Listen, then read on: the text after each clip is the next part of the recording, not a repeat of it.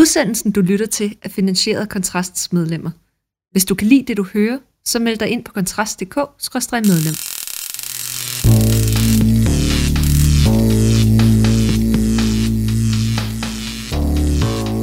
Hvordan skaber man et liv, som giver værdi og som giver mening? Og med hvilke globale trends og nye teknologier kan vi trumfe tradition og vanetænkning? Velkommen til Tændt, podcasten, hvor vi stiller skarpt på vilje og skaber trang. Mit navn er Michael Jalving. Her skal vi forsøge at tage pulsen på erhvervslivet, på arbejdslivet, på hvordan øh, liv og øh, arbejde kan hænge bedre sammen, hvordan vi tjener bedre penge, hvordan vi klarer os selv og inspirerer andre til at skabe virksomhed, driftighed og alt muligt andet godt til gavn for samfundet. I dag der skal vi tale om et nyt fænomen i arbejdslivet, som angiveligt skal sikre, at man ikke går helt død i sit arbejde. Og husker, at man måske også har et liv ved siden af. Har du hørt om quiet quitting? Det havde jeg ikke indtil for nylig, men det lader til at være en ny trend, som både arbejdsgiver og arbejdstager bør tage mere alvorligt. Quiet quitting begyndte øh, vist nok på TikTok, altså på de sociale medier, og kommer som så meget andet fra USA, og handler kort sagt om at sige ja til kerneopgaver på et job, og nej til opgaver, som ligger uden for disse kerneopgaver. Og det kan være, så vidt jeg forstår, øh, i alle mulige forskellige brancher og forret, øh, forretninger og arbejdsfunktioner. Så det handler øh, måske også om øh, selvbeskyttelse og om, hvordan man tilvejebringer et meningsfuldt liv. Det er i hvert fald sådan de første slagord her i den allerførste udgave af Tændt, og jeg håber, du har lyst til at følge os, når du har hørt det her, for vi øh, udkommer øh, hver 14. dag. Og i dag er det dig, øh, Dennis Nørmark, der er gæst i studiet. Velkommen til. Tak for det. Du er jo antropolog, så er du foredragsholder, skribent og forfatter, blandt andet til en bog, der hedder Søvduarbejde, med den lidt øh, kække øh, undertitel, hvis jeg må være så fri, hvordan vi fik travlt med at lave ingenting, der udkom tilbage i 18. 18, og så har du også øh, igennem tiden haft forskellige ansættelser i den private sektor. Øh, man kunne godt få det indtryk, Dennis, øh, ikke af dit CV, men af emnet, altså quiet quitting, at, at det for nogle øh, af de her mennesker handler om at lave så lidt som muligt. Ja, det er det jo sådan set også i sin essens. Ikke? Altså i sin essens handler det jo om at sige, jeg skal lave det, jeg bliver betalt for i hvert fald. Ikke? Altså det som, jeg, som, det, som de kalder the bare minimum. Altså det er absolut eneste, som det jeg får min løn for, kan man sige. Ikke? Um, og, og det er jo sådan set der, det startede også som sådan et oprør mod, at Jamen, at nogle gange synes virksomheden måske, at de har brug for, at man er tilgængelig på alle mulige vanvittige tidspunkter øh, af døgnet, og man mm. tjekker mail om søndagen og lørdagen, og bliver lidt længere til forskellige sociale arrangementer og ting og sager, hvor der er nogen, der begynder at sige, men, men det bliver jo ikke betalt for. Altså, hvis jeg ikke bliver betalt for det, hvis det ikke er en del af det der, den arbejdsbeskrivelse, jeg i sin tid satte min lille krusdule under, øh, da, vi, da vi indgik et, et, det her bytteforhold med hinanden, der hedder, jeg giver noget arbejde, I giver noget løn, så vil jeg ikke være med til det. Og det er det, der sker i øjeblikket. Ja. Og det sker... Øh, hvor sker det? Altså... Ja, men det er jo, kan man sige, det, det er jo altid med de her sociale fænomener sådan lidt anekdotisk, ikke? Fordi det, det, det kan jo godt være, at det pludselig vælter rundt på TikTok eller på Reddit eller et eller andet andet, kan man sige, medie, hvor folk fortæller typisk om, hvad de går og tænker om omkring deres arbejde. Øh, øh, og, og man kan sige jo selvfølgelig også, det er også det, der er interessant, det har de åbenbart tid til også på deres arbejdspladser informere, kan man sige, alle yeah. mulige yeah. folk om. Ikke? så, så der foregår jo altså en, en kommunikation der, men, men når vi kan se, altså det vi kan gøre ved, at vi kan til sådan nogle hashtags og andre ting, og kan jo se, okay, det vælter frem, ligesom uh, The Big Quit uh, for, nogle, for, for cirka et års tid siden også væltede frem, altså det, man kalder den store, The Great Stagnation, altså det kæmpe store øhm, hvad hedder det, nu siger jeg mit job op trend, mm. som har været, ikke? Mm. som det her sådan set lægger en lille bitte smule forlængelse af, men altså, det er jo ikke alle mennesker, der er privilegeret i den forstand, de bare kan sige deres job op. Altså, Nej. Det, det kræver jo, at man skal, man skal have noget andet på hånden, eller finde en måde at finansiere sit liv på. Så quiet quitting er, er måske blevet en, en måde at sige sit job op på, på en anden måde, uden man sådan, kan man sige, finansielt kommer ud og svømme på det, ikke? Ja. Så der, der er sådan en slags plan med quiet quitting. Er det især i tech-industrien, eller startups, eller er det i store corporate øh, øh, butikker? Det, altså... det, er meget, det er meget corporate. Altså, som, så det, jeg har set fra det, er meget corporate. Altså, nu, for der er i store virksomheder som sådan, som også er dem, der typisk øh, hvad hedder det, kæmper mest med, at de synes, at arbejdet er meningsløst, eller uinteressant, eller de føler, at de aldrig får lov til at lave det, som de er ansat til, af den slags. Eller de bliver bedt om at gøre nogle fuldstændig vilde ting. Ikke? Øhm, altså, og den, så, så, så det er i hvert fald det, jeg set. Jeg kan ikke sådan sige noget, hvilke industrier det er. Det er også svært at sige, hvilke, hvilke generationer det er. Altså, men man kan jo øh, umiddelbart ligner det de unge generationer, men det er jo også fordi, de er mere på de sociale medier og deler flere ting på de sociale medier. Altså, jeg kender i min egen, kan man sige, undersøgelser, da jeg skrev min bøger om pseudoarbejde, masser af de her eksempler også, øh, fra, fra de kilder, jeg havde. Øh, og, det, og det var i alle aldersgrupper, der sagde, jamen altså, jeg har efterhånden lært, hvordan jeg går under radaren. Ikke? Altså, mm. Jeg efterhånden lært, hvordan jeg sørger for, at jeg gør det, jeg skal, men jeg gør heller ikke mere end det. Og på den måde, så føler jeg egentlig, at der ikke er et overgreb på min sjæl i den her organisation, men jeg kan være i den stadigvæk. Mm. Så jeg tror, det ligger lidt ud over hele spektret. Mm. Nu kan man jo definere quiet quitting negativt. Man kan sige, det handler om at være arbejdssky, eller gå under radaren, mm. og lave så lidt som muligt, som det jo egentlig også er. Ja. Men man kan jo også formulere det positivt, altså som en, som en længsel efter højere mening, eller grænser for skal man sige, galskaben ja. i, i, i, en corporate sammenhæng, for eksempel. Altså, ja. hvad, hvad, hvad, hvad er det for en mening, øh, der, der ligesom er, er så attraktiv, øh, hvis ja. der er en fællesnævner? Det, jeg tror i høj, høj grad, det drejer sig om det, du siger der om, at man også, kan man sige, øh, begynder at fortælle, at vi, der er et liv uden for arbejdet. Ikke? Øhm, og det er også derfor, det her jo på en eller anden måde, ligesom The Great Stagnation, har noget at gøre, altså eller afledte effekter af coronakrisen. Det tror jeg vil være rimeligt at sige, fordi særligt i USA, øh, hvor man jo skal huske på, at USA der arbejder man jo mere, end vi gør. Der er mange, 10 procent af amerikanere har to jobs. Altså det er der godt mange, der har i det her land. Øh, så, så der er en, en ekstrem øh, aktivitet på arbejdsmarkedet i USA.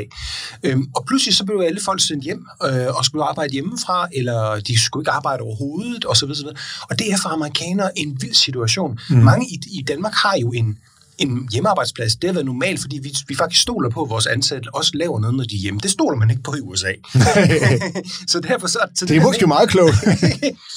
ja, det, nej, det er det faktisk ikke. Der er faktisk ret mange gode, et meget god evidens for, at folk rent faktisk laver noget, også når de er på hjemmearbejdspladsen. Der er selvfølgelig nogen, der ikke gør. Ikke?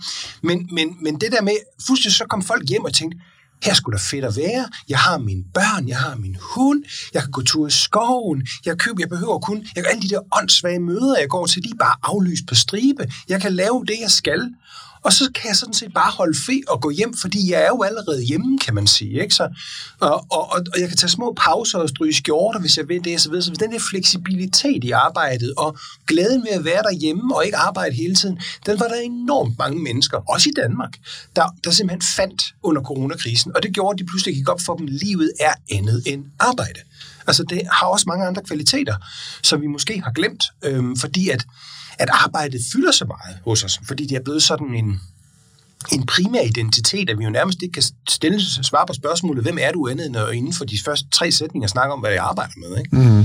Øhm, så det er jo også blevet sådan der, og, og, og derfor åbnede sig under coronakrisen et, et andet muligheds, eksistentielt mulighedsrum op, tror jeg, hvor man pludselig begyndte at tænke, gud, jeg kan også alt muligt andet. Øh, og så tænkte man, jamen, jeg vil jo også alt muligt andet. Jeg har jo også lyst til alt muligt andet det er jo ikke at sidde her på arbejdet, det der giver mig mest mening. Jeg har jo fået at vide af min chef eller HR-afdelingen, at jeg skal være den bedste version af mig selv.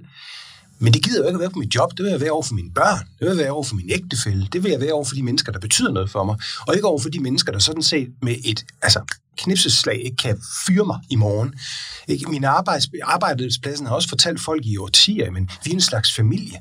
Men det er jo, noget, det er jo en løgn. Altså, du, kan ikke, du kan ikke fyre dine familiemedlemmer. Ikke? Så det er, jo, det er jo en falsk betingelse for arbejdet, hvor man nu godt kunne sige, kunne man ikke være lidt mere ærlig om, hvad arbejdet i virkeligheden var, end, end, at, end at indhylde i det her identitetskompleks, som folk simpelthen er begyndt at trævle op og sige, mm. det, det, det tror vi på. Men dagens arbejdsgiver ved vel godt, at deres ansatte har et liv udenfor, altså de står på ski, de bestiger bjerge, de, øh, de kører på racercykler, de gør alt muligt. De er jo enormt aktive, selv nogle af de her største CEOs, mm. de, uh, bestiger Mount Everest sådan, uh, en gang om året i hvert fald, ikke? Altså, ja, ja, ja. og tager jo på jordrejser og, og Ja, og, men ved du hvad, det gør de faktisk ikke så meget mere. Altså, den der historie, som vi, som, som, som vi havde for en 10 år siden, hvor man sådan kunne se på forsiden af Djøfbladet, der var endnu en eller anden topchef, der var lige var blevet afdelingschef i et eller andet departement, øh, og, og så også løb med Ironman osv. Så videre, så videre. Sådan en historie, de er væk.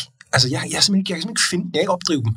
Altså, på forsiden af Djøfbladet her for nylig, jeg er jo Djøffer. Jeg fik de her for Djøfbladet. Mm. Og på forsiden af det, der kunne jeg se tre unge kvinder, der havde bygget sig selv et bageri på Anholdt.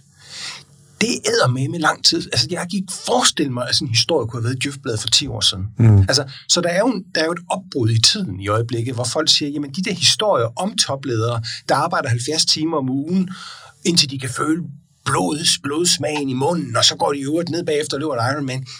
De leder faktisk til grin i et eller andet omfang i dag. Mm. Øh, fordi vi gider ikke høre på dem længere.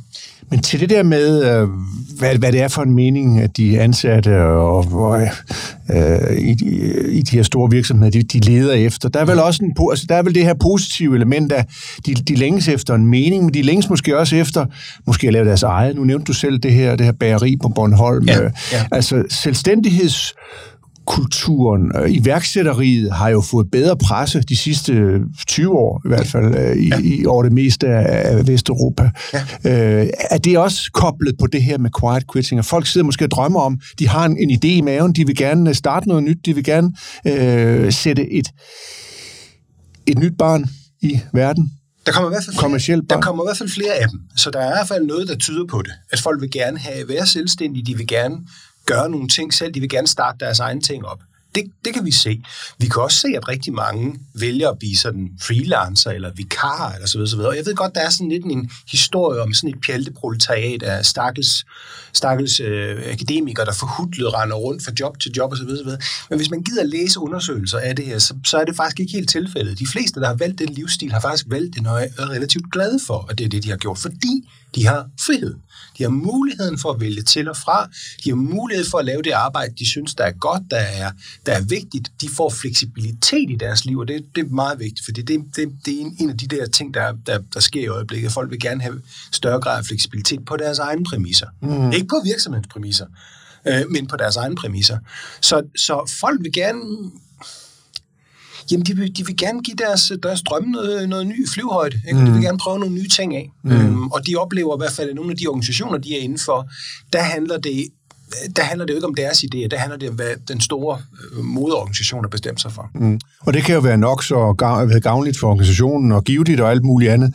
Men der rummer, der, der kan også ligge den her, det her pseudoarbejde, som du har beskrevet ja. i din bog, altså fornemmelsen af, at man sådan egentlig sidder, bare sidder og skubber bunker videre i systemet og, og skriver notater og skriver ja. og laver åndssvage møder, som egentlig ikke har nogen retning og noget formål. Det er jo det, det, er jo det vi fandt ud af, da vi, da vi, øh, da vi skrev øh, bogen om pseudoarbejde, og senere også kan man jo, øh, kan man jo holde undersøgelser vist, at det er omkring 55-76 procent af danskerne, der faktisk oplever at sidde og lave arbejdsopgaver, de synes, der er hul i hovedet. Ikke? 13 procent oplever det næsten dagligt at sidde med ting, hvor de tænker, det her der er der ikke nogen, der skal bruge. Ikke? Og, og når du er, hvis du pludselig hopper ud af det hamsterhjul, enten hopper helt ud, eller bliver selvstændig, eller på anden måde kan vælge opgaver til og fra, så forsvinder det der jo. Og det, jo, mm. og det bliver faktisk også angivet af folk, der bliver selvstændige eller, eller freelancer, at de gør det, fordi der har været for meget af den slags meningsløse opgaver i deres arbejde. Podcasten er betalt af Kontrasts medlemmer. Kan du lide, hvad du hører? Så bliv medlem på kontrast.dk til en god intropris. Vi har brug for din støtte. Og her taler vi faktisk om det her program, den her podcast, øh, som sige, hjertelyd, altså det at være tændt. Hvordan får, får man tændt folk? Hvordan får man øh, tændt op for sine idéer og sin egen kreativitet? Og vi taler i dag med dig, Dennis Nørmark, om det her. Øh, fordi jeg skulle til at sige, hvis man, hvis man så vil grundlægge sin egen, sin egen virksomhed og går fra et job i den corporate sektor, øh, selv går ud på sin egen præmisser, som du siger, mm. så kræver det vel også, så skal man indstille sig på, at, at så er det ikke et 8-4 job. Nej, det er rigtigt. Øh, og øh, alt tyder på, eller alt, når man har undersøgt det, viser, at, at, at startups, det er, det er noget, der kræver lang tid. Det er noget, der kræver, at man måske arbejder 50 timer om ugen. Øh, så det er ikke noget, man kommer sovende til. Det er det ikke. Så hvis man, hvis, man, hvis man vælger den måde at leve på, fordi man tænker, at du får mere fritid, så kan godt glemme det. Fordi det er ikke det, der kommer til at ske. Det kan godt være, at du kommer til over tid, ikke? efterhånden som du får bygget en organisation op, og du får flere folk til at hjælpe dig med ting så kan det godt blive attraktivt.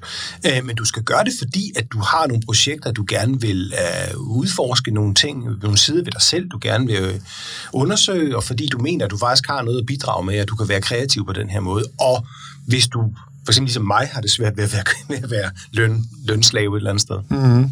Dennis, nu talte vi jo tidligere om det her med coronapausen, ligesom har, har blandet kortene på ny, og hjemmearbejde er blevet mere almindeligt, og vi har fundet ud af, at man kan faktisk klare ting på afstand. Men der er mange jobs, hvor man ikke kan ja. øh, arbejde på afstand, hvor, hvor det, du skal være der. Altså, ja. øh, så det har jo sin begrænsning med, med det her, ja. den her afstands... Øh, eliminering, hvis man kalder den det. Det er til dels den privilegerede klasse, øh, der kan gøre de her ting. Ikke? Altså de folk, der har et kontorarbejde, de folk, der kan, der kan arbejde hjemmefra osv. Det skal man aldrig glemme, at vi glemmer det nogle gange, at der er altså stadigvæk er nogen, der kører bus, og nogen, der passer børn. Og nogen, der, det er der masser. Mm. Øhm, så, og de har altså i mindre grad mulighed for at gøre de her ting. Øhm, det, det, det er lidt svært at, at køre langsommere og bus, ikke? eller filetere langsommere fisk, så får du som regel skæld ud på et eller andet tidspunkt. Ikke? Så så man kan sige, der, der, er nogen, der er nogle af os, der har lettere ved det at udføre den her form for, at få den her form for frihed, end andre har. Og hvis vi skal prøve at dykke lidt ned i, i quiet quitting, hvem det er, og hvad det er for nogen, er der, altså der, der er vel et generationsaspekt, øh, og så er der måske også et kønsaspekt, eller hvad? Er, det, er, det, øh, er kvinder bedre til det end mænd, eller, eller omvendt? Man kan have en masse fordomme. Ja, jeg har ikke set noget, noget der i hverken, hverken forhold til, til, til mænd eller kvinder, øh, men det er rigtigt nok, det er, at det er, det er unge mennesker, en, en del af det, i hvert fald dem, der kan man sige, at ser det på, på nettet. Men, men derfra skal man ikke tro, at unge mennesker ikke nødvendigvis er glade for at være på deres kontor, på deres, altså, det det, altså, når man, man har faktisk undersøgt oven på coronakrisen, hvem der egentlig savnede mest at være på kontoret, og det var de unge. Det var ikke de gamle.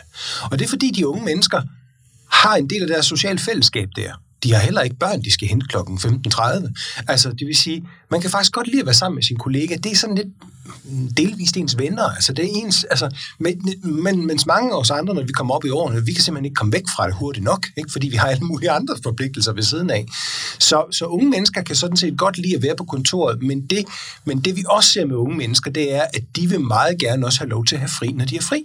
Altså, de, vil, de har tusindvis af aktiviteter og ting og sager, de gerne vil gøre eller gå til osv. osv. Og de vil gerne have, at der, er nogle, at der er en rammesætning om det der, ikke? Og de vil gerne have, at de slipper for, at jeg skulle, at det bliver for langt af dem, at de skal tjekke, tjekke mails der klokken 8 søndag aften og så videre, så videre. Og vil gerne sige, det, nej, for det har du ikke betalt for. Det vil jeg ikke. Der har jeg nogle andre ting, jeg skal. Øh, så det er jeg ikke interesseret i. Øhm, så, så det er jo folk, der, der vil gerne vil bede om, at, at, at virksomheden udviser den samme krav om fleksibilitet til sig selv, som de bliver ved med at forlange af os andre. Mm. Øh, og det er jo at sige, men vi skal, vi hvis, hvis, hvis, øhm, hvis jeg skal tjekke mails klokken 8 lørdag aften, jamen så er vi også fri fredag klokken 1. Ikke? Øh, og det der tror jeg ikke, vi kommer udenom.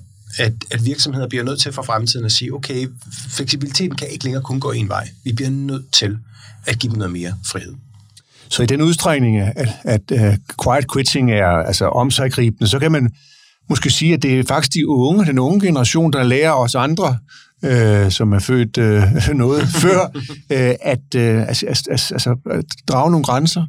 Ja. Øh, ja. Vi har måske været vant til, øh, at, at job og, og privatliv har været udflydende. Det er man måske også i kreative miljøer, i techbranche og ja. startups, at, at tingene flyder sammen. Ja. Øh, men de unge, siger du, øh, trækker altså en streg i sandet i højere grad? Ja, det er ikke fordi, de ikke forstår, at arbejdsmarkedet, at arbejde kommer til at være flydende.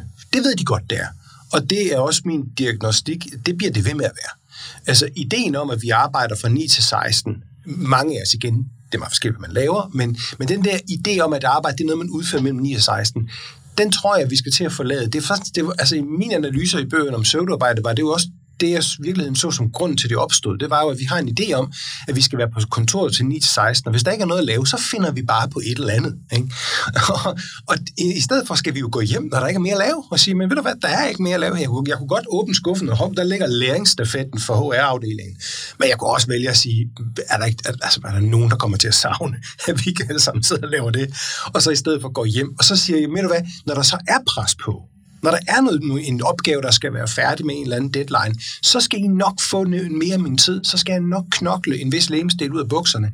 Men, men, men den der mærkværdige illusion, vi har lavet med, med den her leg, vi leger med hinanden om, at arbejde er noget, man udfører 7,5 timer hver dag, den holder ikke længere. Og den er de unge faktisk godt klar over. De er godt klar over, at det er en illusion, de er godt klar over, at det er noget vrøvl. Men derfor vil de jo stadigvæk gerne have sat nogle rammer op, der siger, jamen, du kan bare ikke få min tid lørdag øh, til det her. Så skal jeg have noget på et andet tidspunkt. Øh, jeg er ikke tilgængelig 50 timer om, om ugen, for det får jeg ikke løn for. Øh, men jeg er helt med på, at vi i fællesskab skal finde ud af, hvornår jeg er på arbejde, hvornår jeg er mindre på arbejde, hvornår jeg er måske hjemme, hvornår jeg så videre. Altså, danskerne er faktisk blevet mere positivt stemte over for fleksib- det fleksible arbejdsmarked på grund af corona. Det viser jo undersøgelser. Så, så, så vi er ved at være der, hvor vi tænker, det kan vi godt. Vi er store. Vi er voksne mennesker. Vi kan godt finde ud af at organisere vores tid sammen med vores arbejdsgiver, i stedet for at vi skal sidde der og nogle gange dødkæde os indtil klokken 4.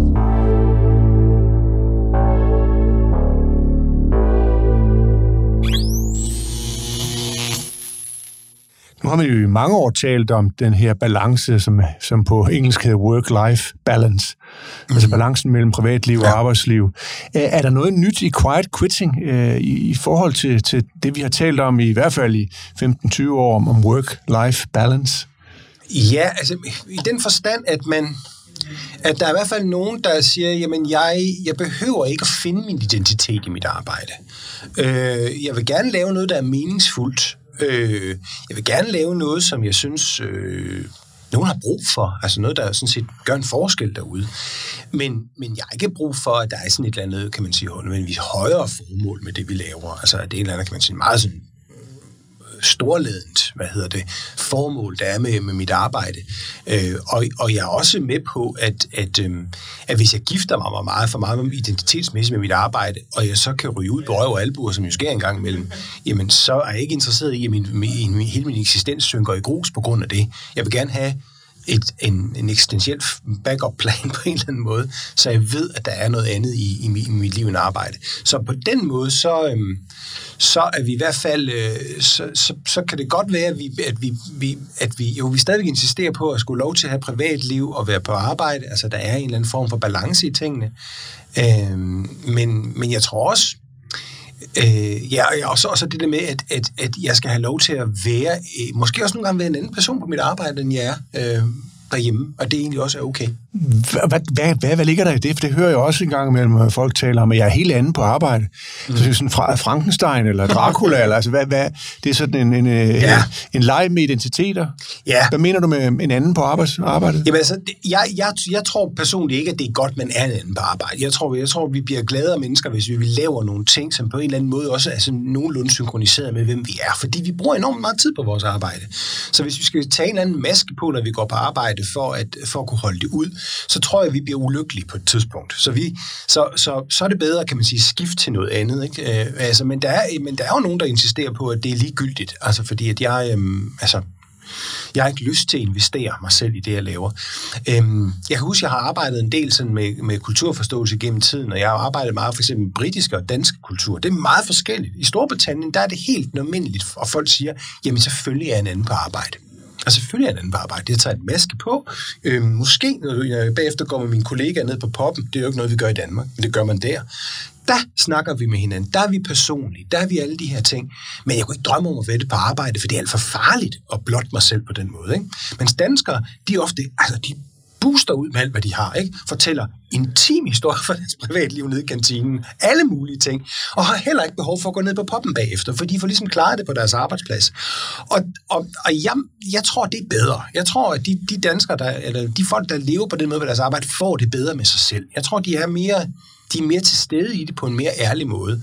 Det er i hvert fald, kan man sige, det jeg hører, når jeg taler med, og jeg har lavet ret meget af det her med, med britter, der, der egentlig ikke er glad for, og se med misundelse på de danske kollegaer, der åbner lidt mere op. Så mm. jeg tror, det er godt, at man tager sig selv med på arbejde. Mm. Jeg kommer til at tænke på den her roman af, det kan Shaffi, der har skrevet den her med den forsvundne fuldmægtig. Jo. Altså det er vel egentlig, hvis vi skal blive den, den der dikotomi mellem England og Danmark, det er den så den engelske udgave, altså den, den der fuldmægtig, der egentlig forsvinder ned i sit arbejde, ja. aldrig viser sit, sit sande jeg, og øh, så måske i virkeligheden essentielt er, er, er ude af synk, som du kalder det, Ja. med, med, med, med hele sin tilværelse. Ja, ja. Øh, Og igen, jeg skal jo ikke kunne afvise, at der er nogle folk, der sådan kan finde glæde i den slags. Jeg skal jo ikke bestemme, hvad folk de, de skal gøre og synes. Men, øh, men, men, men jeg synes stadigvæk, at det er en u- betragtelig del. af- Altså, han er også en sørgelig figur, ikke? Den forsundne fuldmægtig, netop på grund af det her, ikke? Øh, og, og den her med at være, være two-faced på den her måde, det, det, det må over tid være, altså, være et, et, et, ja, en en svær balance ikke at skulle leve med. Øh, men til gengæld, så er man så, hvis man bliver fyret, så har man så ikke investeret så meget i det. Det er rigtigt. Øh, her til sidst, Dennis, altså hvis du skulle øh, give øh, vores lyttere øh, nogle gode råd til, hvordan de kan gå i gang med det her quiet quitting, altså hvordan gør man det i praksis, øh, og er der nogle faldgrupper, altså er der en bagside af den her medalje, fordi det kunne jo godt, øh, altså det afler jo en eller anden form for, jeg vil ikke sige dogenskab, men der er i hvert fald noget energi, der går et andet sted hen, øh, ind i, i de arbejdsopgaver, man sidder med. Ja, så, af, så afler det jo en falskhed også, som jeg synes måske i virkeligheden er mere problematisk. Hvad er det for en falskhed? Altså det der med, at man, at man jo ikke, man jo i virkeligheden ikke, man, man når det, det, der ligger i det, det er quiet, det betyder jo, at du ikke siger noget. Ikke? At du ikke gør arbejdsgiveren opmærksom på, at her er fandme der et problem. Øhm, at du sidder, kan man sige, med dit eget lille oprør, og på den måde i virkeligheden bare underbygger systemet. Altså, hvis man, skal, hvis man skal lave noget om her i verden, bliver man jo nødt til at kæfte op. Man bliver nødt til at sige noget. Man bliver nødt til at sige, det vil ikke finde mig i den her måde at gøre det på. Så det bliver jo, kan man sige, en, en reproducerende måde at gøre oprør på, med noget, som man ikke kommer til at ændre Men det på, kan jo være svært altså, i, altså, i et stort Ja, ja, ja, firma altså, og, og, og ændre skuden. Eller, altså, en chef vil typisk sige, at det er jo betingelserne for at arbejde her. Hvis du vil fremad, så kræver det en ekstra indsats, og du dedikerer dig til, mm-hmm. til dit, bedste, dit bedste jeg skal, skal løse opgaverne, og vi har en deadline, altså, og du ved... Jamen, så skal man være bedre til at sige, og, og vi skal alle sammen være bedre til at sige til de her chefer, jamen, det kommer ikke til at ske. Altså, det har jeg ikke lyst til. Det bliver under de her, de her, de betingelser. I stedet for at sidde sådan lidt kujonagtigt, hvis jeg skal være helt ærlig, mm. og så sidde og, og så sige øh, til alle sine venner på TikTok, nu, nu er klokken blevet, blevet fire, og der er et, øh, et arrangement nede i kantinen, og jeg går ikke til det, jeg går hjem. Ikke? Jamen flot, hvem er det, der applauderer dig? Det er alle dine venner. Det kommer ikke til at skabe nogen, noget, noget nyt. Altså hvis man vil ændre sit liv her i verden som menneske, så må man, så må man tage sig sammen. Så må man, så må man øh, gå op mod de folk, der har en indflydelse på, hvordan ens liv bliver tilrettelagt. Man kan jo ikke sidde bagefter og give alle de andre skylden. For at Så kan man jo miste sit job. Altså, så, så laver man en, Ja, ja. en bold Ja. ja. quitting. Altså, Ja, som men det- man skal også kunne leve med sig selv. Altså, man skal jo også være et menneske, som, som bagefter er stolt over det, man har gjort, så man kan, som, kan, som kan være i det. Øh, og, og det var jo det, jeg oplevede med mange af de mennesker, som havde søvnarbejde, det var jo, at de, jamen, de, de, de gik jo lige så stille i stykker indvendigt af at sidde og lave de her ting. Ikke? Øh, og, og, og, og gik måske med en opfattelse af, at det er jo, det er jo samfundet, der må lave det om, eller det hører jeg også tit, når folk, jeg diskuterer med folk, skal samfundet ikke gøres, og det skal anderledes. Skal sådan, men du skal jo selv starte. Altså, så det bliver jo ikke anderledes, end at du gør noget selv. Og det bliver jeg nødt til at insistere på, det gælder også her. Så vi kan simpelthen ikke få dig til at levere en, en, altså en gør det selv uh, quiet Jo, quitting. Hvad, hvad, jo, hvad, gå, gå hen til, jamen, altså, hvis du står i den situation, du tænker, det her, jeg har den der fornemmelse af, altså, det bliver jo ansporet quiet quitting af, at man synes, at man bliver udnyttet. Altså, at, at der er nogle ting, man skal gøre, som man ikke synes, at man burde gøre. Øh, og så er det jo det, man skal man skal øh, tage livtag med, så skal man jo sige, men jeg vil faktisk gerne have sat nogle rammer op for det her. Hvis jeg, hvis jeg gerne have så meget fleksibilitet fra mig, så vil jeg også have lov til at gå, når der ikke er mere at lave. Altså, øh, og, og, og, og eksponere over for sine chefer, at, øh, at der er altså øh, tidspunkter, øh, hvor øh, kerneydelsen tager altså kun den her del af min tid. Altså, det handler om, tror jeg, at vi alle sammen forstår, at virksomheder og organisationer ejer ikke din tid. De ejer dit produkt. Hvad er det, du laver? Hvad er det, der er udkommet af det? Og vi skal sætte os ned med de mennesker, der leder os, og lederen skal sætte sig ned med deres ansatte og finde ud af, hvad er det for et produkt, du laver? Hvad er udkommet af dit arbejde? Hvad er værdien, du skaber? Og så sige, deres tid, det er deres egen sag. Den har vi ikke nogen kontrol over, for det er ikke det, vi betaler for. Og den samtale, tror jeg, at ledere og ansatte skal tage med, med, med hinanden. Så det er faktisk, altså, du råder folk til at, at rejse sig op og ranke ryggen ja. og, og, og, og, og kæfte op, som ja. Du kalder det, i stedet for at lave den der lidt øh, falske sådan, øh, dukke nakken og, ja. Og lave en quiet quitting. Altså, du advarer faktisk lidt imod. Ja, jeg synes ikke, jeg synes, jeg kan godt forstå, jeg har fuld sympati for, jeg forstår godt, de gør det. Jeg tror bare ikke, det er den rigtige måde at lave tingene om på i vores samfund. Det starter med en selv. Ja. Og vi kunne ikke slutte et bedre sted, Dennis Nørmark. Tusind tak, fordi du var med her i dag. En opfordring til, at man tager sig sammen og ranker ryggen, i stedet for at øh, ty til det, som øh, du, Dennis, øh, kalder en lidt falsk og dugnakket tilgang til arbejdslivet. Vi er tilbage igen om 14 dage om et helt andet emne. Vi håber, du er med os. Tak for nu.